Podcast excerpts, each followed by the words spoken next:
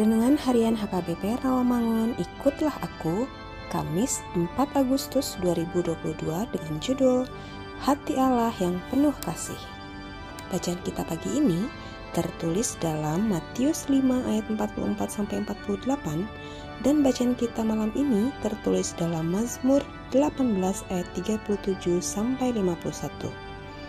Dan kebenaran firman yang menjadi ayat renungan kita hari ini ialah Yehezkiel 36 ayat 29 yang berbunyi, Aku akan melepaskan kamu dari segala dosa kenajisanmu dan aku akan menumbuhkan gandum serta memperbanyaknya dan aku tidak lagi mendatangkan kelaparan atasmu.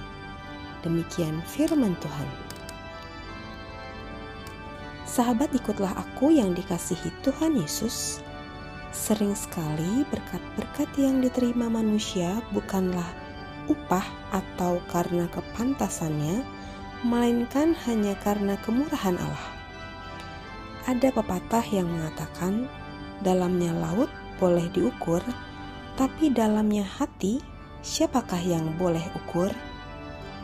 Demikian keberadaan perasaan dalam diri manusia, tidak ada yang mampu mengukur kedalamannya terlebih lagi kedalaman hati Allah. Israel adalah gambaran manusia secara umum memiliki hati yang keras, tegar, tengkuk, dan cenderung jatuh kepada godaan dosa. Hal ini tentu saja melukai hati Tuhan. Ketika Allah selalu menjadi Allah yang kudus, Allah yang penuh kasih dan rahmat, manusia malah membalasnya dengan berdosa di hadapan Allah. Sesungguhnya Israel layak untuk mendapatkan hukuman Allah. Israel pantas untuk mendapatkan ganjaran dalam kekerasan hatinya terhadap Allah yang melembutkan hatinya. Namun, Allah tetap Allah.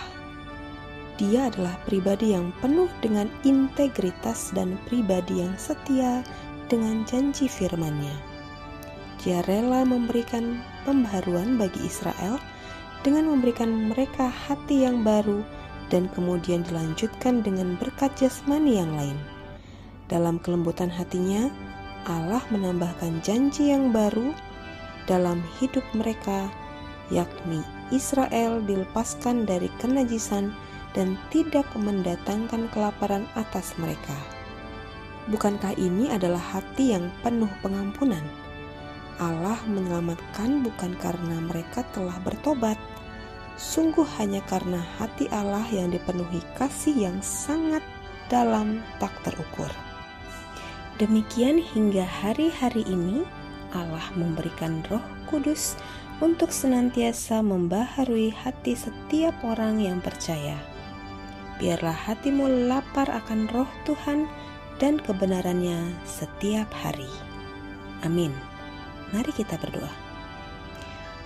Tuhan Allah pengasih, baharulah diriku senantiasa dengan rohmu, sehingga hidupku semakin layak untuk memuliakanmu.